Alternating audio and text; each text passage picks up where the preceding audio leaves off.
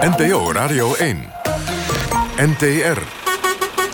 Ja, de bus van NPO Radio 1 is aangekomen in Utrecht. Hoezo komen inwoners hier nou massaal in protest tegen een prostitutiezone? Moet dit jaar nu echt worden uitgeroepen tot het jaar van de gastarbeider? En zit uw kind vaak heerlijke computerspelletjes te spelen? Hm, blijf vooral luisteren, zou ik zeggen. Dit is het debatprogramma Kwesties. Kwesties met Marianne van den Anker.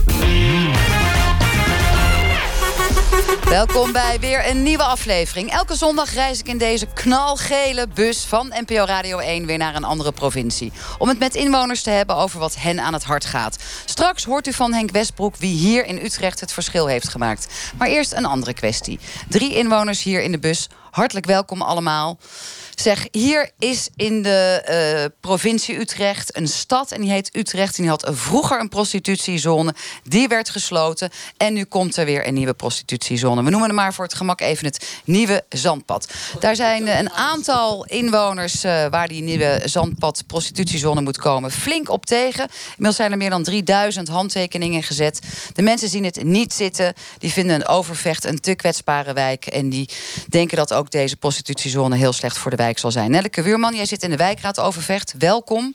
Jij hebt uh, ontzettend veel stress daarover. Welke voorbeelden zie je van overlast? Overlast is gigantisch groot. Niet van de sekswerkers, maar van het volk dat eromheen is. En dat maakt het allemaal zo ingewikkeld. Met name de boten die er nog wel liggen van uh, gezinnen en, en, en, en andere mensen... hebben er ongelooflijk veel last van. Uh, ingeslagen ruiten, vernielde auto's. Mensen die aan de overkant van de vecht wonen... hebben heel veel parkeeroverlast, geluidsoverlast. En wij hebben de indruk dat de boten uh, in de tijd gesloten zijn op de rechte gronden. Namelijk dat er Toen was er mensenhandel vermoeden van uh, mensenhandel. En, ja. En, ja. Nou, is het een hartstikke legaal beroep? Ja. En heeft de gemeenteraad er volgens mij uh, heel lang over gedaan... om alles met superveel regels te omkleden... om overlast te beperken, te zorgen ja, dat de dat sekswerkers gezegd, op een goede manier zien dan geloven, hè?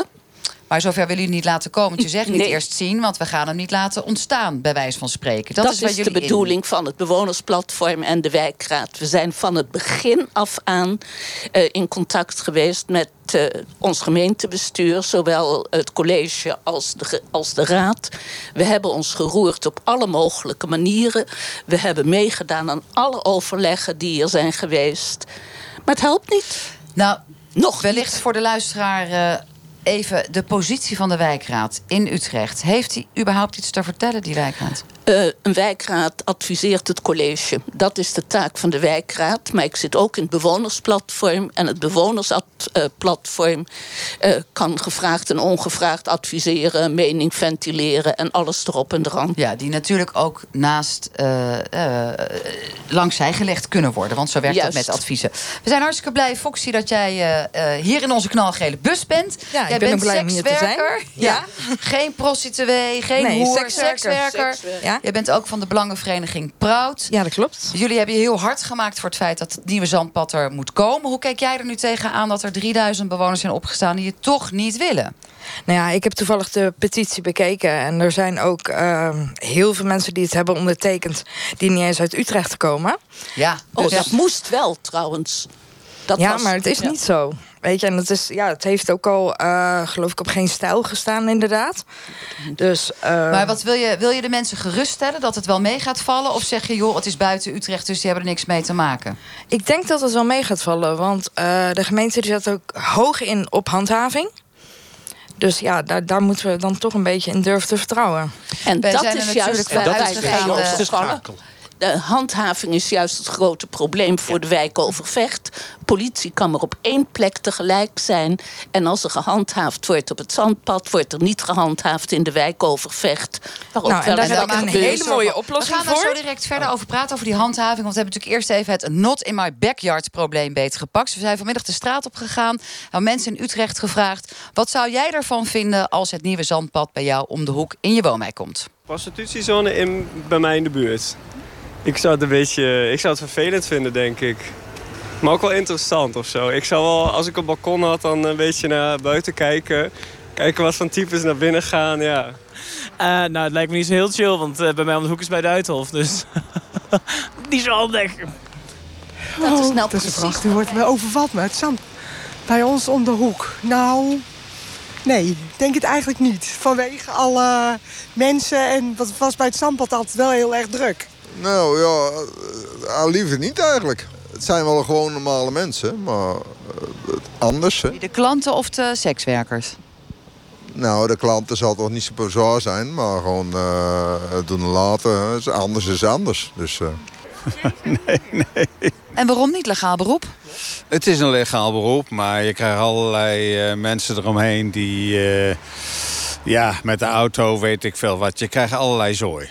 Ik weet niet, ik, ben, ik zou niet per se op tegen zijn. Nou ja, als het inderdaad onveilig wordt of rare types in de buurt... dat zou ik niet zo fijn vinden. Nou, ik heb er niet zoveel moeite mee. Maar kijk, nou zijn we ouder, maar als je kleine kinderen hebt... heb je wel een probleem vaak. Ik denk dat ze eigenlijk een plek moeten zoeken waar... dat het gewoon afgelegen is, dat eigenlijk niemand uh, last van heeft. Ja, die plek is dus niet gevonden. Want juist de gemeenteraad heeft voltallig besloten... om deze prostitutiezone, het ja. Nieuwe Zandpad, daar neer te zetten. Bart Engers, u bent uh, gepensioneerd VMBO-directeur in Utrecht... maar ook de voorzitter van de sportvereniging Vechtzoom... om de hoek van dat Nieuwe Zandpad. Uh, hoopt u dat de petitie slaagt van ja, de bewoners? Natuurlijk. Want ik heb nu al gemerkt dat er heel veel uh, ouders ook uh, grote bezwaren hebben. Maar er zijn dus drie groepen die, waar ik mee te maken heb... en waar, die echt problemen maken. Dat zijn allereerst de voetballers van Vechtzoom. Dat zijn allemaal jongens en meisjes onder de 16. Die moeten nu, want de ingang van het sportpark is verlicht... Eerst zat dat okay, veel helder. meer... Dus die ja. maken zich zorgen over maar de er route komt nu een nieuwe hockeyclub. Allemaal ook jonge kinderen.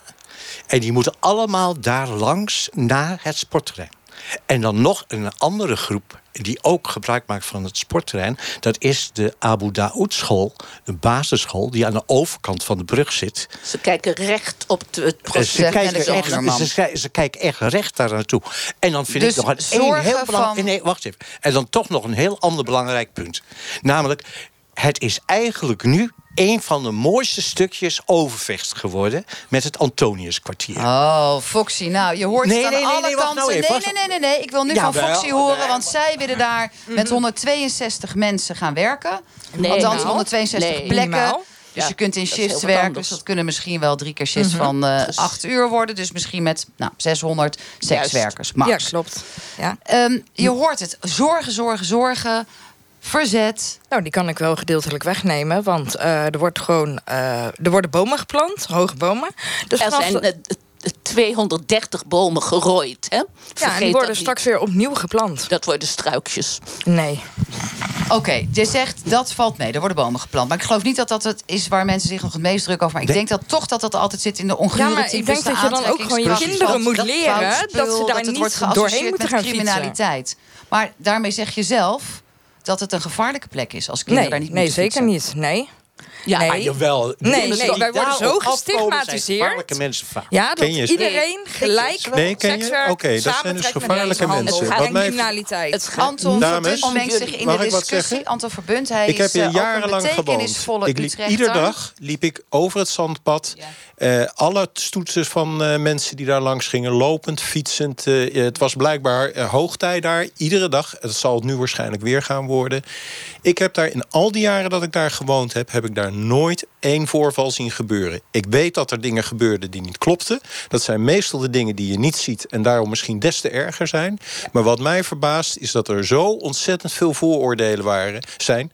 op een plek waar het in het verleden buiten de mensenhandel om... volgens mij best redelijk liep... en de overlast Anton, beperkt was. Maken, dan, dan, maken Bert en Nelleke zich dan zorgen om, om niks eigenlijk? Nee, ik zeg niet dat je. Nee, ik zeg niet dat, ik zeg niet dat je er nonchalant mee om moet gaan. Ik, je moet, natuurlijk moet je spelregels uh, moet je nemen. Maar je moet ook het vertrouwen durven hebben... dat je die spelregels regels werkend kunt krijgen. En zeg je dat omdat vanwege jouw ervaringen... Uh, dichtwonend bij het oude zandpad? Of zeg je dat... Uh, als ondernemer? Of zeg nee, je dat... ik zeg dat als gewoon buurtbewoner daar in die tijd. Ik heb daar vijf jaar gewoond. En ik ben al vijf jaar bezig met, uh, met het zandpad. Want in 2013 werd uh, het zandpad gesloten. Althans, de boten werden gesloten. Er zijn Utrechters die nog met weemoed aan de boten terugdenken. Want het had iets mhm. folkloristisch, kun je zeggen. Maar het was niet folkloristisch. Maar dat hoorden we allemaal pas toen, het, toen de boten dicht waren. En er een nieuw plan moest komen. Ja, dat en dat is een nieuwe ander plan. Probleem. Dat is een ander probleem dat het hier niet geschetst wordt. We gaan naar de politiek. Ehm, heel bijzonder is het eigenlijk dat hier iemand van de VVD in onze bus zit. Want jullie zitten niet in de coalitie. Die wordt hier gevormd door ChristenUnie, GroenLinks en D66. Klopt. Jij bent uh, eigenlijk al vanaf het begin af aan bij het dossier betrokken. Queenie en May ja. Jij verdedigt het plan dat het er moet komen. Waarom? Um, ja, ik, ik zou niet het plan uh, in zijn totaliteit uh, verdedigen. Uh, er is ooit besloten om het getal van 162 ramen daar neer te zetten. Dat heb ik altijd al wel fors gevonden. Um, dat was puur de oude ramen opgeteld, beide ramen in de binnenstad die ook zijn gesloten. De Harde Bollenstraat, voor wie Utrecht goed kent. Um, en wat je nu ook ziet uit allerlei onderzoeken, ook van sekswerkers zelfs, van experts, van politie, die zeggen allemaal: begin nou wat kleiner en kijk even hoe, of we dat beheersbaar, veilig. Is dat Nelleke en Anton voor jullie wel bespreekbaar als het aantal uh, ramen wordt teruggebracht? Aantal als het kleiner kan worden, dan zou het locatieonderzoek opnieuw gedaan moeten worden. Oh, dan ruik jij kansen. Dan denk je, dan kunnen we het misschien wel wegkrijgen bij ons in de buurt. Precies. Uh, Foxy, je merkt er is ongelooflijk veel verzet. Jij zei zelf al, we worden gestigmatiseerd. Mhm. Kun jij daadwerkelijk, want dat zullen sommige mensen ook hebben, het gevoel wegnemen dat het echt uit zichzelf doen? Dat het een vrijwillig legaal beroep is, een echte keuze? Ja, dat kan ik zeker. Ik ken heel veel dames die voorheen op zandpad hebben gewerkt... en die staan gewoon te trappelen om weer terug te kunnen. Niet allemaal. Uh, uit, uh, de, ik zei ook niet allemaal. Nee, uh, uit tellingen van de gemeente blijkt dat acht van de vrouwen terug wil komen. Dat is een beetje weinig voor 162 Maar ze hebben helemaal geen contact met alle vrouwen die toen de tijd op het zandpad hebben uh, gewerkt. Dat... Ze weten niet waar die gebleven zijn. Foxy, wat kun jij aan de luisteraar die zeg maar bijna klaar zit voor heel Holland bakt? Maar wij hopen natuurlijk dat ze blijven luisteren naar kwesties. Wat het zo interessant maakt als beroep voor zowel vrouwen en mannen om met seks je geld te verdienen. Uh, de vrijheid die het geeft. Uh, je kan je eigen uren be uh, bepalen. Je bepaalt zelf welke handelingen je wel en niet doet. Dus ja, ik, ik doe het al 15 jaar en ik wil niks anders meer. En je kunt er een goede boterham mee verdienen. Jazeker. Ja, ja. en dat is ook de reden dat veel vrouwen het tijdelijk doen. Heel veel studenten doen dit werk tijdelijk om wat bij te kunnen verdienen. Maar het zijn toch geen andere types? Of je gaat voor 4 euro in de kroeg staan. Ik, ik ben steeds Oké, okay, Bart Engbers. Kijk, ik ben niet tegen sekswerkers. Daar gaat het helemaal niet om. Nee. Daar hebben we het niet om. Het gaat er mij om het volk wat aangetrokken wordt op, op die, uh, uh, ja, wat zullen het zijn? Geen boten meer, maar nou, cabines of zo. Ik weet niet precies. Maar wat voor volk wordt er precies aangetrokken? Daarin, daarin. Jij hebt je voor het eerst gemengd nou. in deze discussie. Super fijn. Jij bent van de huisartsbegeleiding in Zeist. Je studeert. En je bent ook van de Stichting Leren voor de Toekomst. Je bent een van die betekenisvolle mensen hier in de provincie Utrecht.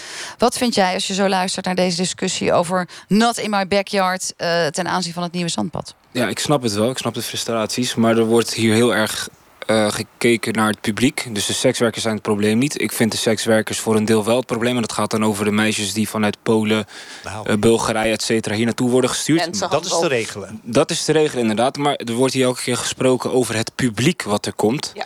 Ja. Wat is dat publiek nou eigenlijk? Nou, dat vragen we aan Foxy. Wat zijn het voor mensen doorgaans die komen? Nou, dat is je vader, dat is je buurman, uh, dat is je oom, dat is je leraar. Al die, maar al die mannen die net werden geïnterviewd, die zeiden nee, nee, nee. Ja. Precies. Die gaan allemaal naar de hoeren. En dan doen ze hier opeens alsof het ongure types zijn. Eh, nee, nee, helemaal niet. Helemaal niet. Ik moest alleen gewoon wel lachen dat er net de mensen die geïnterviewd werden... dan hoorde je alle mannen zeggen, nee, nee, wil ik je niet hebben. En de vrouw zei, nou ja, als het me niet te veel overlast veroorzaakt, vind ik het prima. Ja. Dus dat vind ik altijd wel een hele interessante nou zit jij in de politiek. Er wordt ongetwijfeld natuurlijk straks met die petitie onder de arm door Nelleke uh, en consorten binnengewandeld. En dan moeten jullie wat doen als gemeenteraad. Wat gaat de VVD doen? Ja, nou ik denk dat dit het moment is om maar weer het eh, aantal ramen onder de, onder de aandacht te brengen. Dus wat ons betreft starten we gewoon kleiner.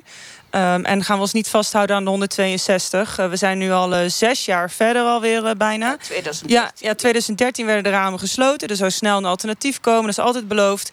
Is er nog steeds niet. Ondertussen wordt op andere plekken ook prostitutie gesloten. Maar daar, even daarover. Hè. Kijk, ik heb zelf de Keilenweg in Rotterdam gesloten... omdat er echt sprake was van geen vrijwillige seks en verslaafde vrouwen. Er waren gewoon zieke mensen die op straat rondliepen. Mensen onterend.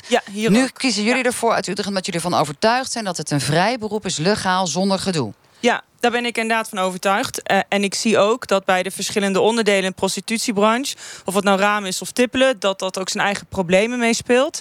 Maar ik weet dat er ook vrouwen zijn die het wel gewoon vrijwillig doen. En daar wil ik wel, daarom wil ik wel nog de kans geven... om te kijken of we het toch niet in Utrecht kunnen realiseren. Het is voor mij geen... Op dezelfde plek? Niet verkassen met dat, ding? dat is voor nu wel het makkelijkst. Ik zou, ik, volgens mij als wij gaan zeggen... we gaan naar een andere locatie uh, verplaatsen... Het heeft dan, dan gaan we het niet doen. Waarom is het gemakkelijk, vraagt Bart? Uh, nou, omdat op deze locatie uh, heeft het altijd al, is het altijd al geweest. Bestemmingsplan, alles staat klaar. Ik denk als we gaan besluiten, laten we een andere locatie zoeken... dat we dan eigenlijk beter kunnen zeggen... Van uitstel komt dan afstel. Wordt, precies. Dan Foxy, daar zijn er 3000 uh, handtekeningen gezet... waarvan jij zegt, ja, er zijn ook een aantal mensen die niet uit Utrecht komen. Stel nou dat er toch veel verzet is in deze wijk. Mhm. Ben je dan bang dat het uiteindelijk politiek gaat draaien? Nee. Nee, absoluut niet. Steun Nee, van de wethouder, steun van de raad. komen. Oké, en wat gaan jullie dan doen, Bart? Dan ga ik een beetje zitten huilen. Nelleke, wat denk Nou, jij? kun je weer naar een sekswerker om getroost Nelleke, te wat worden, gaan jullie dan doen? Marketing. Eh, wij gaan... Eh, Wordt gelachen, maar Nelleke is bloedserieus. En Nelleke, wat gaan jullie doen vanuit, het wij, vanuit de wijkraad? Maar eh, we gaan door met ons verzet tot de laatste snik van dat huilen. U luistert naar kwesties en we staan met de NPO Radio 1-bus dit keer in Utrecht om te praten over onderwerpen die zich hier afspelen. Zoals over de komst van een prostitutiezone, zoals u net hebt gehoord. Maar er speelt meer in deze provincie. De partij Denkt, die wil dat 2019 provinciale staatsverkiezingen komen eraan, u weet het allemaal, wordt uitgeroepen tot het jaar van de gastarbeider. Het is namelijk 50 jaar geleden dat er een wervingsovereenkomst met Marokko is gesloten. Nederland moet een blijk van waardering geven wat Denk betreft. Er moeten bijvoorbeeld monumenten komen voor Marokkaanse en Turkse gastarbeiders die vroeger hier naartoe kwamen. Anton Verbunt, u eh, bent inwoner van Utrecht, betekenisvol, actief als ondernemer, u bent binnen de MKB eh, actief. Klinkt dit u in de oren als een fantastisch plan? Eh, ik gun iedereen, iedereen zijn plezier. Eh, verleden moet je koesteren. Aan de andere kant, om hier nou weer een actie van te gaan maken... ik vraag me af of we onze tijd niet beter kunnen besteden. En voelt u dan mee met Denk die zegt... ja, ze, ze moeten gewoon eens een keer in het zonnetje worden gezet, die gastarbeiders. Veel voor ons land betekent. Nee, ik voel niks met ze mee. Heeft dat te maken met de politieke kleur van Denk? Eh, nee, heeft niks te maken met de politieke kleur. Het enige wat ik merk is dat op het moment dat dit soort dingen eh, eh, enorm in de schijnwerpers wordt gezet, ontstaan er allerlei discussies, problemen, et cetera, die er voor die tijd niet waren. En we hebben genoeg op ons bordje. Laten we gewoon Het polariseert verder, doorgaan. denkt u? Ik ben daar bang voor, want er zijn genoeg mensen die het weer als een excuus gebruiken om een hoop problemen te veroorzaken. Nou, ik, ben- ik ben het daar echt niet mee eens. Ik heb het meegemaakt dat de eerste gastarbeiders hier in de stad Utrecht kwamen. Dat de eerste gastarbeiders hier in de stad Utrecht kwamen. Dat waren mannen die door de Nederlandse regering geselecteerd waren in Marokko en naar hier toe afgevoerd Voor dit vieze klusje, zoals Voor de Denk natuurlijk ook zegt. Het waren allemaal beroepen als abattoir, eh, dat soort eh, Schoonmaken. bedrijven. Dat soort mensen. En werkelijk, ik heb er heel wat gekend. Die hebben zich echt ingezet voor Nederland toen wij ze heel hard nodig hadden. En ik heb het met name over die groep mannen. Dat zijn allemaal mannen. En pas later zijn er gezinnen gekomen. Maar die groep mannen, daar heb ik echt mijn, neem ik mijn petje voor af. Dus het jaar van de gastarbeider is wat u betreft een goed idee. Ja, maar- maar voor Bent u die niet groep bang, wat mensen, zoals die Anton Verbund zegt... van het zou mogelijkerwijs ook gaan polariseren? Want er wordt natuurlijk weer gezegd... vanuit PVV-huizen, ze hangen allemaal aan de uitkeringsslang... dus hoezo jaar van de Hoezo? Die gastarbeider? hebben helemaal nooit aan de uitkering gezeten. Die hebben gewoon tot aan hun pensioen keihard gewerkt. Die mits. Het gaat mij Anton ook niet over uitkeringsslangen en dat soort zaken allemaal. Het gaat er gewoon om dat op het moment dat er iets eh, wat een goed verleden heeft eh, eh, eh, gehad, hè, respect voor die mensen voor wat ze gedaan hebben, moeten ze vooral blijven doen en eh, eh, uiteraard wel in goede omstandigheden. Eh, want er zijn spelregels voor buitenlanders en voor Nederlandse arbeiders. Ehm, maar los daarvan. Dat is het verleden. En op een gegeven moment moet je dat achter je kunnen laten. En dat is hetzelfde als met een Zwarte Piet discussie. Zwarte Piet was een mooi feest. Dat is gepolitiseerd. En het feest is voor een, groot, een hoop mensen is het kapot gemaakt. Ik zeg niet daarmee dat het verleden daarmee schoon was. Maar ik zeg wel van je kunt het verleden eindeloos ter discussie blijven stellen. En dan maak je alles kapot. En dat hoeft niet. We zijn vanmiddag de straat opgegaan, eh, Nelleke. En we hebben het gevraagd uh, aan de mensen hier in Utrecht die we vanmiddag tegenkwamen. Vinden jullie het hier in Utrecht op straat een goed idee om van 2019 het jaar van de gastarbeider te maken? Nee hoor, dat hoeft van mij niet. Daar ben ik wel mee eens. We zijn wel uh, een goede, goed, uh, goede aanwinst voor dit uh, land. Nou, ik zie dat niet zitten. Maar goed, oké, dat is mijn mening. En niet zitten, waarom? Nou ja, het zijn gewone mensen. Waarom moeten gastarbeider? Ik bedoel, we hebben ook Spanjaarden gehad. We hebben Italianen gehad. Waarom moet dat nou opeens Turken zijn die dan opeens zeggen dit jaar van de gastarbeider? Ik vind dat op zich wel een goed initiatief. Ik vind het ook een beetje met geluk te maken heeft. Sommige mensen zijn er gewoon heel goed uitgekomen en die hebben wat minder nodig. En andere mensen zijn er wat minder goed uitgekomen en ja, die kunnen wel wat gebruiken. Vind ik. Uh, nou ja, uh, ik denk dat iedereen heeft bij, bijgedragen aan, uh, aan het wederopbouw van Nederland. En mijn vader was ook gastarbeider en was er ook één van. Dus, Zou hij er behoefte aan hebben om in het zonnetje gezet te worden? Of vindt hij dat juist overdreven? Nou ja, wat ik zei, ik denk dat iedereen heeft bijgedragen aan het wederopbouw. Dus het zou, het zou, het zou wel een, een mooi, mooi gebaar zijn. Maar het hoeft niet per se voor mij. Queenie M.E. Ruikowski van de VVD hier in Utrecht. Niet van de provincie, maar van de stad Utrecht. Het gaat om een voorstel van uw collega's van Denk, hè, uw politieke collega's. Vindt u dit nou typisch een voorbeeld van symboolpolitiek... of is het een serieus te nemen voorstel? Um, nou, ik zie het nut gewoon niet zo. Uh, wat gaat de uh, stel, we zouden 2019 uitroepen tot het jaar van de gastarbeider voor de Turkse en Marokkaanse mensen die hier zijn komen werken. Uh, wat, wat gaat dat oplossen? Hoe gaat dat eruit zien? Uh, gaat het om problemen van echte mensen of gaat het om stenen standbeelden op pleinen? Wat gaan die dan doen? Ik snap het gewoon nog niet. Nee, ik Nelke vind het ook een beetje raar. Want de eerste gastarbeiders die in Nederland kwamen... waren de Spanjaarden, de Grieken, uh, de Joegoslaven en de Vietnamezen. En moet daar dan niet een standbeeld voor ja, Ik verdedig het plan niet. Hè. Het is een idee van, uh, van Denk. Niet van mij. Nee. Bart. Wat, uh, kijk, er standbeelden ben ik ook niet voor. Maar ik heb uh, deze maanden een paar keer een hele mooie reportage gezien over mensen die uit Marokko zijn gekomen heel lang geleden. En prachtige beelden van vrouwen ook, die vertelden over hoe zij dan daar alleen in Marokko zaten en hun man hier in Nederland keihard werkte enzovoort. En dat zijn echt heel indrukwekkende verhalen die daar.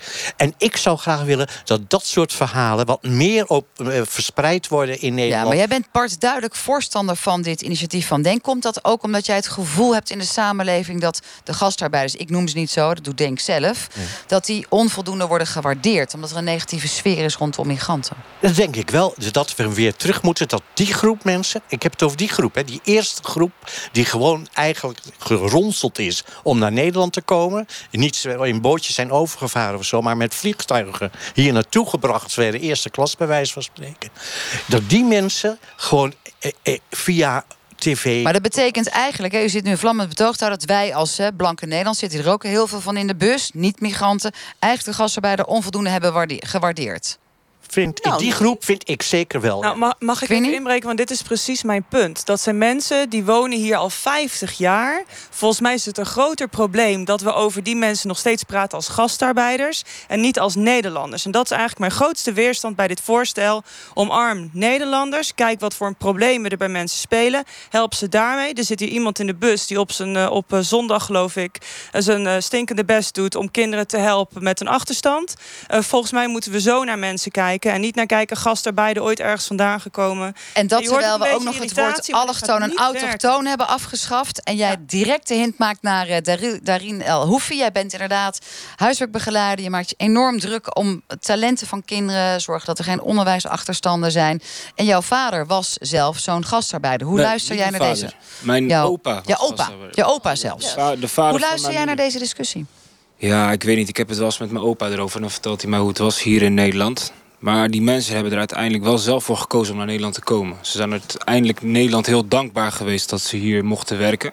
Dat is Maar wel echt... Toen ze hier waren, toen bleken de omstandigheden helemaal niet zo rooskleurig te zijn. Mm, Zes mensen. Ja, maar als je dat vergelijkt, maar als je dat vergelijkt met de, maar als je dat vergelijkt met de, met de omstandigheden die ze in Marokko hadden, was het hier eh, hemel op aarde.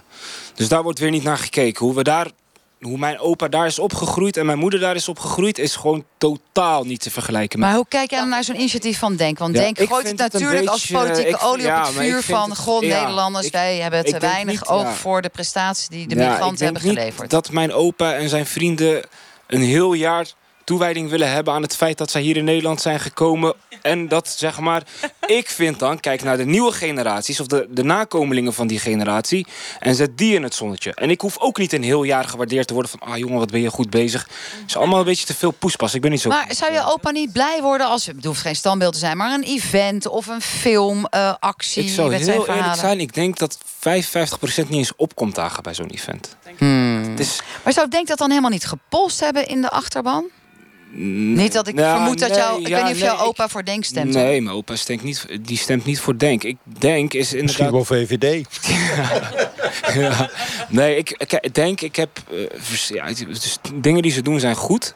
Ik heb wel... eh, ik kijk met een bepaalde blik wel van... Oké, waarom is dat dan weer nodig? Kijk, ik vind Denk gewoon eigenlijk precies het tegenovergestelde van de PVV. Ik vind dat PVV is verkeerd bezig... maar Denk is op bepaalde gebieden ook verkeerd bezig. En dat is... En wat bedoel je? Anton maakte net ook al zo'n vergelijkbare opmerking... als je zegt ze staan tegenover elkaar. Wat ja, dan? ik denk is aan het polariseren. Die is niet voor een gemeenschap bezig, die is voor één doelgroep bezig. En die doelgroep zelf probeert juist ontzettend hun best te doen om naar die eenheid te gaan, waar ik bijvoorbeeld voor bezig ben. Ja. Ik probeer de jongens die wij. We hebben vooral niet-westerse jongeren die wij begeleiden. En dat komt niet alleen omdat ze het minder breed hebben in de portemonnee, maar ik zelf van Marokkaanse kom af ben en ze naar mij opkijken. Die proberen we juist naar de Nederlandse Samenleving te kantelen. Van dat we één community we zijn. zijn. één community. En als we dan nog met zulke dingen gaan komen van we moeten aparte dingen gaan Ja. doen voor de Marokkaanse. Maar Bart, je hoort het, jij hebt het net met verven zitten Ja, verdedigen. nou, maar het wordt helemaal niet zo positief Ik ben, ik ontvangen. ben, ik ben eh, van huis eh, ben ik historicus. En ik denk als je geschiedenis van mensen kent, dat je mensen beter gaat begrijpen. En dat wil ik zo graag, dat mensen elkaar beter gaan begrijpen. Ja, Maar dan en, maken we dat, toch- en dat stukje geschiedenis is dan heel belangrijk. Dat mensen weten van, oh wacht eens eventjes, dat heeft er gespeeld toen de tijd. Maar laten we dan het jaar van het gesprek maken, praten met elkaar. Maakt mij niet uit hoe. Eh, in plaats van een, Jaar van de community, een van de eenheid. weer Het, het, weer, het weer apart te zetten. Laten we hem dan wat positiever insteken. Nou, zo mee op eens, deze manier. maar laten we die mensen gewoon eens Eh, dat, proberen eh, te begrijpen. Ja, maar Dat even als ja, aftrap van eh, de provinciale statenverkiezingen. Wat wil je nog zeggen over jouw ouders, Rajkowski? Nou ja, precies. Eh, mijn, eh, mijn vader is ook naar Nederland gekomen. En, eh, die is toen, moest ook in een eh, eh, fabriek gaan werken. Keihard. En keihard gewerkt. eh, is uiteindelijk het onderwijs ingegaan. En ik hoor dan steeds, oh die mensen en wij moeten voor die mensen. Misschien moeten we het aan die mensen vragen. En als zij zeggen, voor ons hoeft het niet. Want wij worden graag gewoon als Nederlanders gezien. Zo voelen wij ons ook. Moeten we het dan misschien ook gewoon niet doen. Van iedereen die we hier in de bus hebben gesproken... zijn eigenlijk alleen maar de vader van Queenie en de opa van de Degene die over dit voorstel van Denk iets eh, zinnigs kunnen zeggen. Ik wil nog even op Bart reageren. Ik Dan ben gaan we- geen historicus, maar ik vind dat je het verleden moet kennen om het heden te begrijpen. En dat mis ik wel eens. We hebben een aantal jaren geleden bij Aliato een schitterende fototentoonstelling gehad. En dat was heel duidelijk in welke mensonterende eh, situatie de eerste gastarbeiders kwamen. Tot zover. Zometeen discussiëren we hier verder in de bus van NPO Radio 1. En dan over de vraag of het wel oké is om onze kinderen computerspelletjes te laten spelen. Niet één uurtje, maar misschien wel wat langer dan één uurtje per dag. De ervaringen en tips dus zometeen. Maar nu eerst. Een bekend iemand van Utrecht, de provincie Utrecht waar we nu staan, is Henk Westbroek. Jullie weten allemaal wie dat is? Zeker, lokale politiek, muziek, oud-gemeenteraadslid. Nou, wie kent hem niet? Horeca-ondernemer, heeft hier ook een prachtige disco-dancing. En we hebben een aantal mensen elke keer in de provincie gevraagd... van wie of voor jou heeft nu het verschil gemaakt. Want of je nou problemen hebt of dat er kwest- kwesties spelen in een bepaalde discussie... er is altijd maar één iemand die nou net even voor jou het verschil kan eh, maken. Kan ook in een mensenleven. En we vroegen het Henk Westbroek. Ik denk dat ik dan toch uitkom bij de Nederlandse schrijver Willem Frederik Hermans. Eh, het aardige van die man is dat eh, er was nooit een pijl op hem te trekken, omdat hij altijd probeerde om zelfstandig te denken. In een van zijn essays uh, schrijft hij dat hij altijd probeert in zijn hoofd het tegenovergestelde te bedenken van wat hij eigenlijk vindt. Dus stel nou, hij is voor een kinderpardon. Hè, in, dan, dan gaat hij denken, maar wat zijn nou de argumenten tegen? Behalve dat het uh, veruit, naar mijn smaak dan, de beste romancier die Nederland ooit gekend heeft, is hij in zijn, in zijn uh, beschouwend werk wisselend heel rechts en dan weer heel links. En soms ook dwars. En die manier van denken heb ik van hem overgenomen. Dat als ik iets vind, dat ik probeer het in eerste plaats het, het tegengestelde uh, te beargumenteren. En soms kom je dan op hele leuke dingen uit. Soms ook niet. Soms blijf je gewoon bij wat je al vond, maar soms ook niet. Al dus uh, de held van Henk Westbroek, Willem Herman Frederiks was dat voor hem. Kwesties met Marianne van den Anker. We staan met de bus van NPO Radio 1 in Utrecht op het prachtige Jans Kerkhof. Een andere kwestie is gameverslaving. U weet wel, de computerspelletjes. Alcohol vinden we prima, mits met mate. We kennen de gevolgen van roken.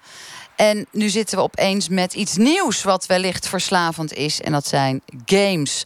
Vooral nu populair is Fortnite. En er zijn nog tal van andere spelletjes die heel veel tieners uh, spelen. Zijn ze nou echt zo verslavend of niet? Bij mij in de bus zit Michiel Smit. Jij bent 28 inmiddels. 7 jaar 29. Zeven jaar lang verslaafd geweest aan gamen. Van je twaalfde tot je achttiende. 40 uur per week. Je schreef er een boek over Gameboy. Dat komt hier zo direct nog. Brengt een vriend van jou. Zat ook nog wat reclame gemaakt kan worden hier in kwesties. 40 uur per week. Hoe krijg je het voor elkaar? Um, nou, ik denk het, het, ergens nodig hebben om uh, houvast te hebben op een plek anders dan de werkelijkheid. Dus uh, dat ik, er zat wel een probleem onder. Uh, en verder heel veel verbloeming. Ouders manipuleren. Ouders die een beetje digibeten waren. Doen alsof je ja, bij vriendjes buiten hebt gespeeld. Maar eigenlijk heb je net zitten gamen. Uh, je, je kan heel veel doen als kind om een ander beeld te geven aan je ouders dan uh, wat er eigenlijk echt speelt. En dat is ook wat kinderen op alle vlakken trouwens heel veel doen. Je bent als kind het onderhandelen met volwassenen en je ouders vooral over hoe kan ik me gedragen in de realiteit. En daar zijn kinderen meesters in, heel sluw, omdat die leren dat echt heel goed kleuren. En dat is ook belangrijk, want dat is een heel menselijk iets.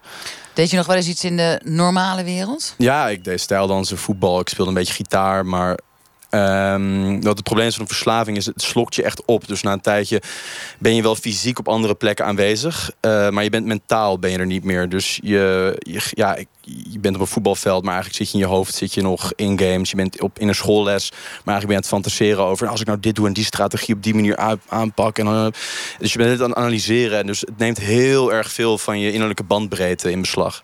Je ouders, je zei, eh, ze waren er wel. Vonden ze het goed dat jij zoveel gamede? Nee, zeker niet. Uh, dus ik verbloemde het ook heel erg. Uh, mijn vader riep ook wel eens, nou, ik, ga, ik wil niet dat je een junk wordt. Nou, dat is dus helaas wel geworden in, uh, in mijn tienertijd. Ja, een, een game junk dan? Ja, ja, een game junk. En, um, maar ja, ik wist ook heel donders goed dat ze het liever niet hadden. ik had het zelf grappig genoeg liever eigenlijk ook niet. Want ik vond het vreselijk wat er gebeurde. Maar je snapt dat niet als je 12, 13, 14 bent. Um, en daarna is het echt te laat. dus...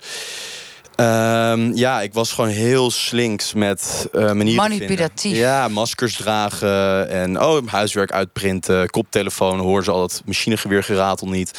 Uh, noem het maar allemaal op. Dus, uh, en en toen was er een moment dat er of iemand anders ingreep of jijzelf. Ja, Oh, dat is wel meteen een heftig moment. Uh, dat is iets langer moment ook. Maar de, samenvatting ervan is dat ik in 19 was in Amsterdam met vrienden uh, op kamers wonen. En die vrienden gingen allemaal naar Paradiso leuk uit. En zeiden, Michiel, kom mee. En ik zei, nee, ik heb het tentamen, ik moet leren. Nou, ik kon nog geen 10 minuten op dat boek focussen. En toen zat ik alweer in Potje Rome Total War. En daar schrok ik om vijf uur s'nachts uit wakker. Vrienden kwamen thuis, hadden allemaal gelach op de trap en hakken op de trap. Hadden meisjes meegenomen. En nou, naast mijn kamer werd een beetje gezoend en gevreden en gitaar gespeeld en gelachen. En ik zat daar in mijn hemdje en mijn boxer achter een soort van ja, hmm. nog fluoriserend scherm met allemaal Romeinse soldaten. Allemaal prikkels in een wereld in Ja, en ik was toen al 19. Ik was vanaf mijn twaalfde wel echt tegen aan het vechten. Want ik, ik, het voelde nooit als alleen maar iets leuks. Het begon echt, begon echt een soort van negatieve rol te krijgen. Dus ineens was dat hele gevecht werd daar samengebald met Jezus. Ik heb nu mijn hele tienertijd dus verneukt aan nep, een nepwereld. Me goed voelen in een nepwereld.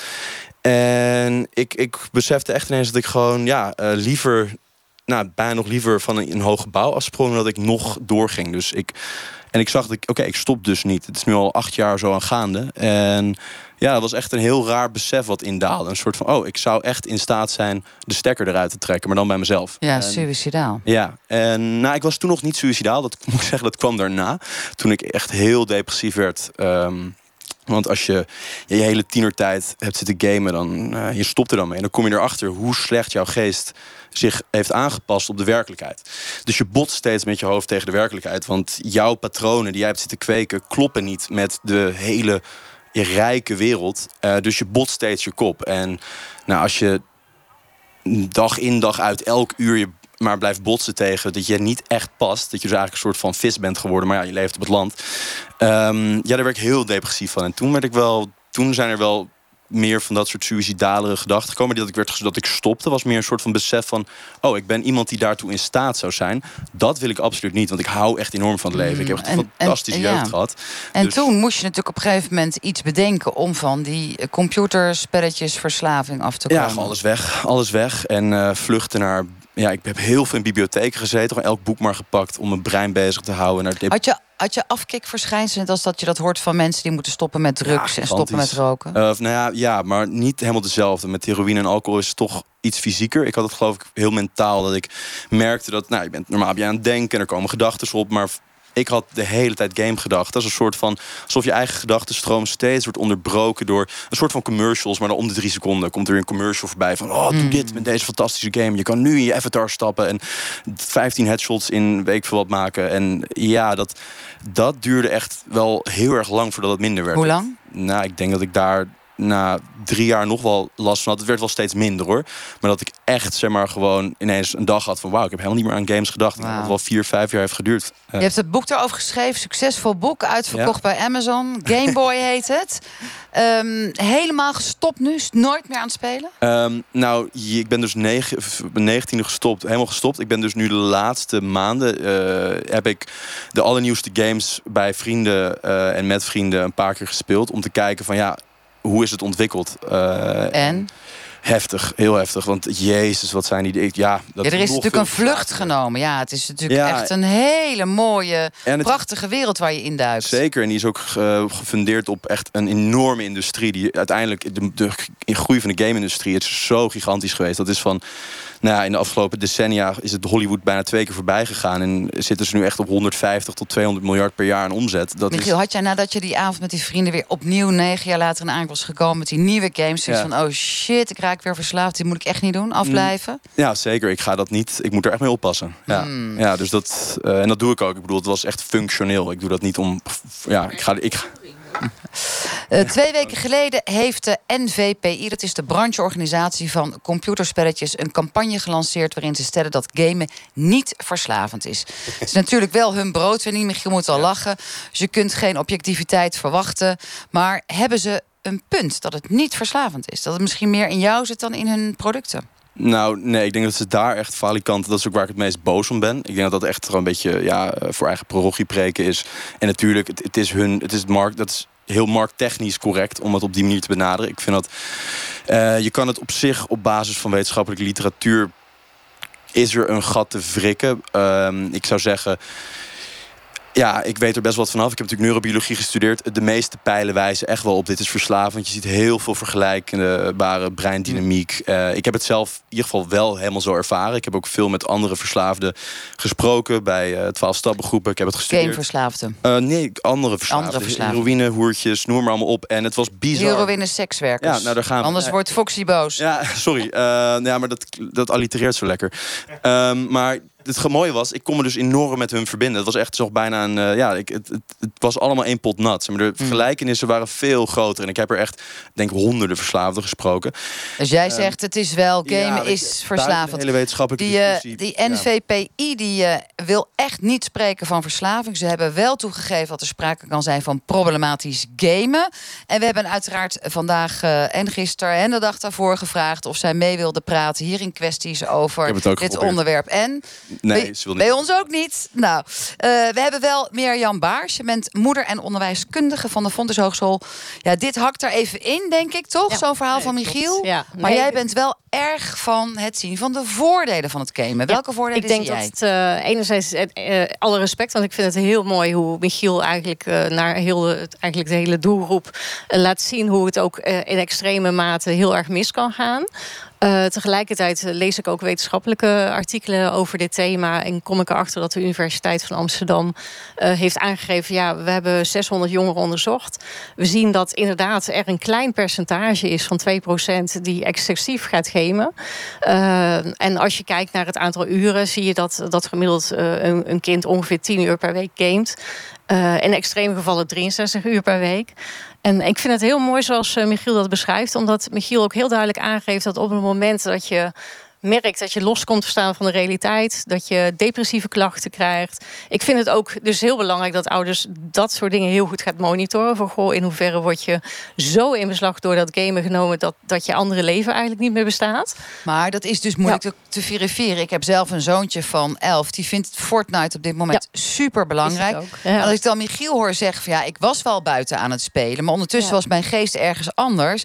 En je bent manipulatief. Ja, hoe kom je er dan achter als ouder? dat dit ik zo denk, uh, wat, heftig in het leven dat van veel kinderen ouders uh, heel veel erg bezig zijn om gamen vooral af te sluiten. Hè. Dus heel erg uh, allerlei manieren om en, en het woord gamen mag bij wijze van spreken niet eens vallen. Ik denk niet dat dat een manier is. Ik, ik, merk, ik denk dat je juist heel erg je kind ook, ook, moet stimuleren, hoe raar het ook klinkt. Want gamen blijft uiteindelijk een vorm van ontspanning. Uh, net zoals dat kinderen gaan Netflixen, ouderen ook Netflixen. Misschien is Netflix verslaving straks ook nog ja, wel iets. Is, is ook net zo erg eigenlijk. Alleen is dat minder zichtbaar. Fortnite is heel erg zichtbaar, hoorbaar. Dus je gaat maar weer, vanuit sneller, twee kanten ben jij ja. positief. Hè? Zowel van hoe je games kunt inzetten in de onderwijswereld, ja. maar ook hoe jij thuis ziet dat jouw kind ermee omgaat. Noem eens wat leuke, vrolijke voorbeelden. Nou ja, van wat gamen. ik heel mooi vind, uh, ik vind het een heel androgyn spel. Je ziet uh, dat, dat uh, jongetjes opeens in de kamer beginnen te dansen. Je ziet dat de avatars die ze gebruiken niet altijd mannen zijn uh, en alleen maar een legeruniform hebben, maar vaak ook vrouwen die, die op een hele leuke manier dingen doen. Soms wel heel erg geseksualiseerd zijn, maar. ja. Wat ik ook heel erg zie is dat jonge kinderen heel erg ook met vriendjes dan contact leggen. en nou weet ik zelf, ik heb vroeger een broer gehad die als die ging spelen zeg maar met jongens, dan gingen ze vooral bij wijze van spreken de bossen in een hut te bouwen. Uh, maar ze zouden elkaar nooit opbellen om te vertellen hoe was jouw dag, hoe was jouw school, hoe, wat voor cijfers heb je gehaald. En ik zie dat, dat mijn zoon dat dus wel doet. Dus dat hij al gamend tussendoor nog even zijn dag doorneemt. En, dus, en in die zin zie je eigenlijk dat jongens op die leeftijd heel erg sociaal-communicatief vaardig worden. Uh, nu doe ik zelf ook onderzoek in allerlei bedrijven waar heel erg veel millennials werken. Als ik naar die werkplekken kijk, dan zie ik dat ze letterlijk met koptelefoons opzitten met hun buurman te praten en naar een scherm te kijken. En dan denk ik, ja, maar dit is wel de toekomst. Dit is ook dat onze jeugd gaat in de toekomst, hoe raar het ook klinkt, op die manier werken. En op die manier worden ze eigenlijk nu al op een hele levendige eigenlijk en speelse manier daar een beetje al maak ze daar kennis mee. We kunnen daar wel proberen af te sluiten. En, en ik, ik zou het vreselijk vinden, hoor. ik heel duidelijk zijn. Uh, als mijn zoon, net zoals jij, hè, achteraf zegt... joh, mam uh, had mij even wat meer gewaarschuwd... want het is helemaal uit de hand gelopen. Dat zou ik uiteraard afschuwelijk vinden. Maar ik denk dat ouders zich ook moeten realiseren... dat het een vorm van ontspanning is... en dat dat mits je daar op een gezonde manier mee omgaat... dat het eigenlijk ook heel veel positieve effecten kan hebben. Maar dan betekent het eigenlijk dat jij tegen Michiel zegt... het is best wel een oké okay spel. Ik zie meer voordelen dan nadelen. Mag ik het zo samenvatten, Mirjam? Ja, met je daar. Kijk, kijk te is nooit goed. Ik, ik zou ook niet blij zijn. Nee, behalve tevredenheid. Tevredenheid is wel mooi. Michiel ja. Smit, ja, is, lag het dan niet toch meer aan dat jij tot die 2% uh, ja, verslavingsgevoelige types hoort. Dat het bij wijze van spreken niet uit had gemaakt of het gamen was Mhm. geweest of wat anders. Nou, nee, ik, ik denk die 2% lijkt me een enorme onderschatting. Omdat vaak bij dat soort onderzoeken natuurlijk iemand die gameverslaafd is redelijk geïsoleerd, dus moeilijker te vinden. Dus dat is echt een totale minimumgrens. Eh, het zou wel eens echt veel hoger kunnen zijn. Ehm, ik ben het op zich eigenlijk helemaal met alles wat Mirjam zegt wel eens. Eh, de nuances zijn belangrijk, want het zijn niet alle spellen en het zijn inderdaad, zoals je zegt, niet alle personen. Dus er zijn bepaalde spellen die veel verslavender zijn dan andere en die daar ook echt op. Welke zijn dat Nou, dan? Ik denk dat Fort- Fortnite heel succesvol is geworden. Juist omdat het inderdaad gigantisch prikkelend is. Hoe prikkelender iets is, waarschijnlijk hoe verslavender.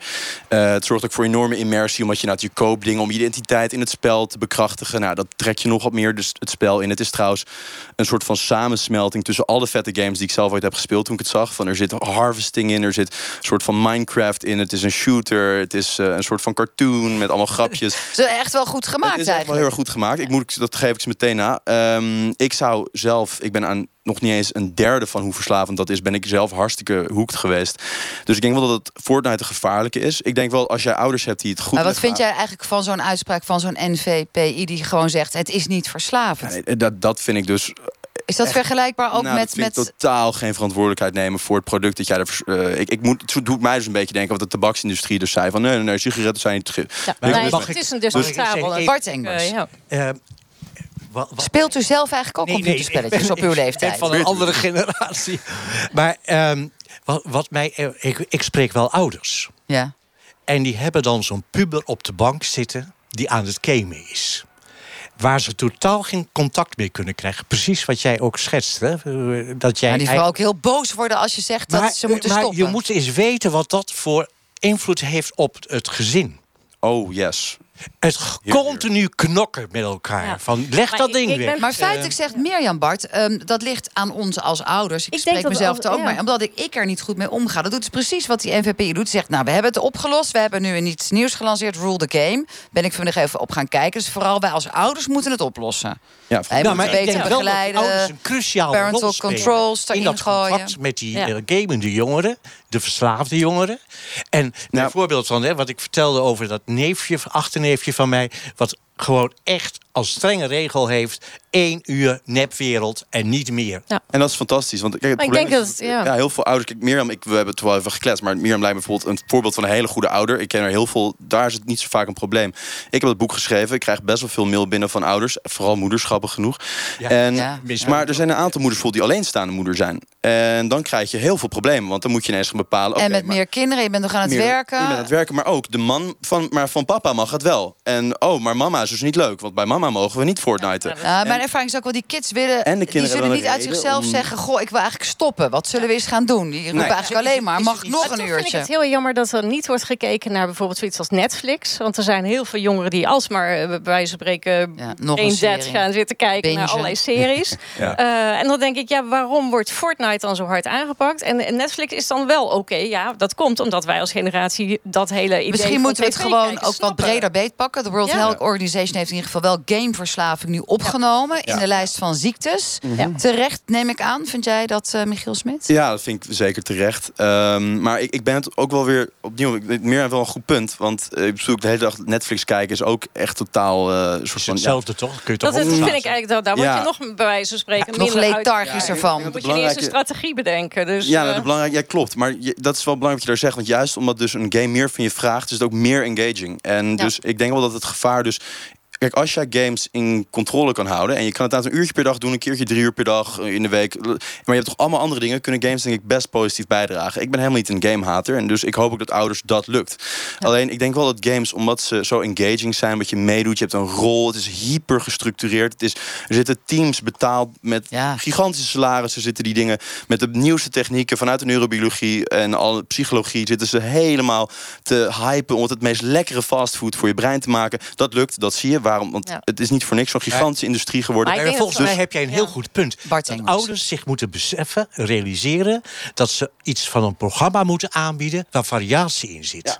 Hè, dus We gaan sport, naar eh, eh cultuur, eh, maar op. Darien Elhoefie. Want jij hebt vanuit meerdere situaties iets met dit eh, eh, gamen te maken. Je hebt, bent huiswerkbegeleider. Dus jij ziet dat heel veel kids, nou ja, die bij jou aan het huiswerk begeleiden zijn. Misschien ook wel praten over nou, gameverslaving of over al die spelletjes.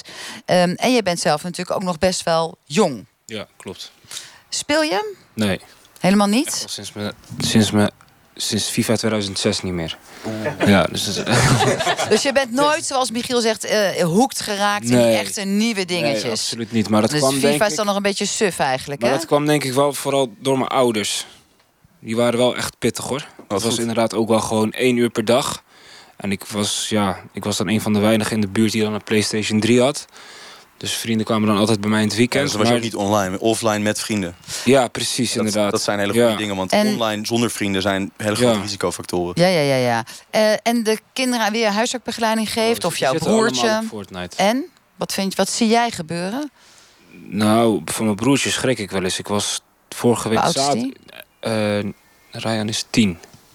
Ik was, eh, was, zaterdag was ik na een avondje stappen, was ik ja, rond drie uur thuis in de nacht. En die was gewoon wakker nog aan het gamen. Dat vond ik best wel ernstig. En hij heeft ook best wel vallen onder zijn ogen. Maar ik ga dan wel gewoon een gesprek met hem aan. Ik zeg, luister, ik zeg, wat is er aan de hand? Ja, Fortnite is... Ja. Maar gesprek aan of stekker eruit? Nee, niet stekken eruit. Want ik vind dat hij de verantwoordelijkheid moet leren over zijn gamepatroon.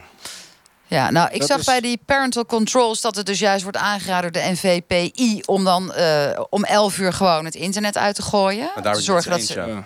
Ja, want het is moeilijk, hè, want je Ja, is dus sowieso. tien. Ik bedoel, je moet er wel rekening mee houden dat ook zijn brein totaal onvolgroeid is. En dat juist de delen die zorgen dat hij controle kan nemen over dingen, zelf keuzes kan maken, dingen in perspectief kan plaatsen, allemaal nog wat minder op, op stoom zijn geraakt. Dus ik, Maar wat ik merk als mijn vader bijvoorbeeld de stekker bij hem eruit trekt, dat hij gewoon echt boos wordt, weet je wel. En weet je, ik probeer dan gewoon op een Dat beetje. lijkt me een heel kwalijk tof, teken, ja. tof, toffe manier een beetje. Ja, kom, we gaan dan even naar de Mac of zo, weet je wel. Mac is bij ons om de hoek, dan gaan we even praten, babbelen. Het voordeel vond ik van, van Fortnite tenminste, want we hebben best wel veel kinderen met een taalachterstand, dat ze een kei worden in Engels. Ja, ja, ja, dat is een Dat voordeel. wel. En, Maar- en vriendjes van buiten de stad en vriendinnetjes. Dus Het heeft, ik, een ben heel het, ik, sociaal ik, heb ook niet zo, ik heb het niet zo hoor met het gamen. Gewoon Ja. absoluut niet zelfs. Maar ik vind wel dat die, die jongeren... Ja, ik ben heel erg van zelfredzaamheid. Dus natuurlijk is 10 heel erg jong. Maar ik heb ook jongens van 15 en 16. En daar praat ik gewoon mee. En die appen mij dan gewoon van... Yo, ja, ik heb nu er anderhalf uur aan gezeten. Maar die moeten mij dat dus dan elke dag aan. Maar je kunt het naar mij... Even naar Anton eh, Verbund als, vanuit het ondernemersperspectief. Want we hebben Nou, nu. ik ben eh, ook vader hoor. En, dan ken en ik vader? Oh, echt? Wordt er thuis eh gegamed? Ja, ik- er wordt eindeloos gegamed. Maar het, Vanuit het ondernemerschap het verhaal- gezien. Ben je een goede ondernemer als je dit soort spulletjes die verslavend zijn op de markt brengt? Eh, waarom niet? Maar alles, hè, het, het woordje te is al veel gevallen. Eh, ik denk niet dat het eh, games op zich is. Er is gewoon een hele andere verandering eh, gaande. En dat heeft alles met beeld te maken. En of dat nou een telefoon is, een computer, een, een PlayStation of wat dan ook. Eh, die dingen zijn eh, eh, zo ontzettend snel de markt opgekomen... dat wij met z'n allen eigenlijk heel veel moeite hebben... hoe we daar op een goede manier mee omgaan. Het is een kwestie van balans. Er horen spelregels bij en die spelregels zijn er niet. En kinderen, die moet je een grens stellen. Dus als een jochie van tien zegt van... eh, ehm, eh, eh, ik word boos op mijn vader... dan is daar gewoon een autoriteitsprobleem. En dan heeft het verder niks met gamen te maken. Dan ligt daar iets heel anders op tafel. En is de vraag hoe je daar als ouder mee omgaat. Ik denk ook dat we ons, gamen veel beter als beloning kunnen inzetten. Wat wij thuis inderdaad eh, doen is dat, we- dat we zeggen tegen onze zoon van goh, als je je huiswerk gedaan hebt en, en we kijken dan ook mee hè, van wat heb je precies gedaan, wat moet je kennen.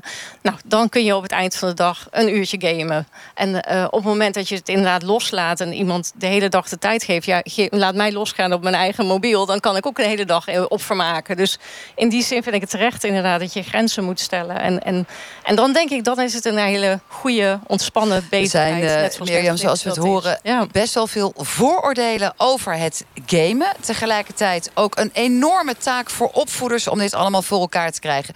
Wij zijn aan het einde gekomen van eh, deze aflevering van Kwesties. Dank aan al onze gasten hier in Utrecht. Volgende week staan we met de bus in Gelderland. Zo direct op Radio Doc Fietspaden. Want wist u dat één verkeerd lijntje op het pad een mensenleven kan kosten? Daar hoort u zo direct na de nieuwsupdate update van NOS meer over. Hele fijne avond. Dank jullie allemaal en tot ziens.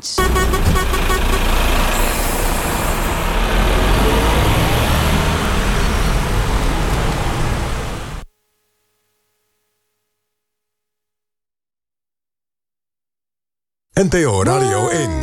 De brand in het landhuis. Ik blijf het heel bijzonder vinden. Nu al een podcast hit. Dan bijzonder in de zin van dit is niet in de haak. Werd Ewald Margraf vermoord? Dat hij gevonden is achter de voordeur met zijn hondje. Waar zijn de miljoenen? Zeker dat er miljoenen waren op de bankrekeningen van Margraf... want ik heb de post van hem verbrand. En wie ging er vandoor met zijn schilderijen? Ik weet zeker dat ik jou het nummer heb gegeven van degene die je moet hebben. De brand in het landhuis. Goedemiddag. Een bloedstollende podcast in zes delen. Spreek ik met meneer Reinga? Ga naar de gratis Radio 1-app, haal hem binnen en luister. Ja, alleen je bent wel bij de verkeerde. Op NPO Radio 1. Het nieuws van alle kanten. Ruik je dat? Jep, nieuwe auto. En bij een nieuwe auto hoort natuurlijk, juist, een nieuwe autoverzekering. Want als je kenteken of postcode verandert, kan je premie ook veranderen. En zo kan een verzekering beter voor de ene auto zijn dan voor de andere. Kijk dus altijd even of je autoverzekering beter en voordeliger kan. Ook bij een nieuwe zesdaanse. Check het zelf op independent.nl. Vertrouw op jezelf. Independer. Experts in financieel inzicht. Steeds meer kinderen hebben dringend pleegzorg nodig. Maar eenmaal bij een pleeggezin gaat het vaak mis. Als je dan die auto hier staat in te pakken om er een gouda te brengen naar de crisisopvang, ja, dat gaat wel door je ziel heen. Waarom is het zo moeilijk om uit huis geplaatste kinderen op te vangen? De Monitor, vanavond om kwart voor elf bij Caro en CV op NPO 2. Sluit nu een autoverzekering af via Independer en ontvang gratis extra dekking. Fijn idee, toch? Wat doen leiders over vijf jaar anders dan nu? Kom ook naar Agile Leadership Europe, het event over het leiderschap van de toekomst. Aanmelden op managementboek.nl slash agile. Ik heb gewoon te veel energie. Ja, zelf opgewekte zonne-energie. En die kan ik via Powerpeers delen met bijvoorbeeld vrienden, familie, buren. Eigenlijk hebben we onze eigen energiemaatschappij. Ook duurzame energie delen of afnemen? Kijk op powerpeers.nl. Power to the people. Weet u het nog? We hadden elkaar de laatste headbangende huisbanaan nog niet gestuurd. Of we begonnen massaal met swipen voor de liefde. Mede dankzij Access for All. Al jaren de beste alles-in-één provider van Nederland. Stap nu over en kijk de eerste zes maanden gratis tv. Check de voorwaarden op accessforall.nl. Investeer in onafhankelijkheid met Bink zelf beleggen. Met een gebruiksvriendelijk platform en slimme app. Start vandaag nog en ontvang de gids Beleg in 2019 en 200 euro transactietegoed. Bekijk de actievoorwaarden op binkbank.nl. Binkbank, jouw partner in onafhankelijkheid. Beleggen brengt risico's met zich mee. Je inleg kan minder waard worden. NPO Radio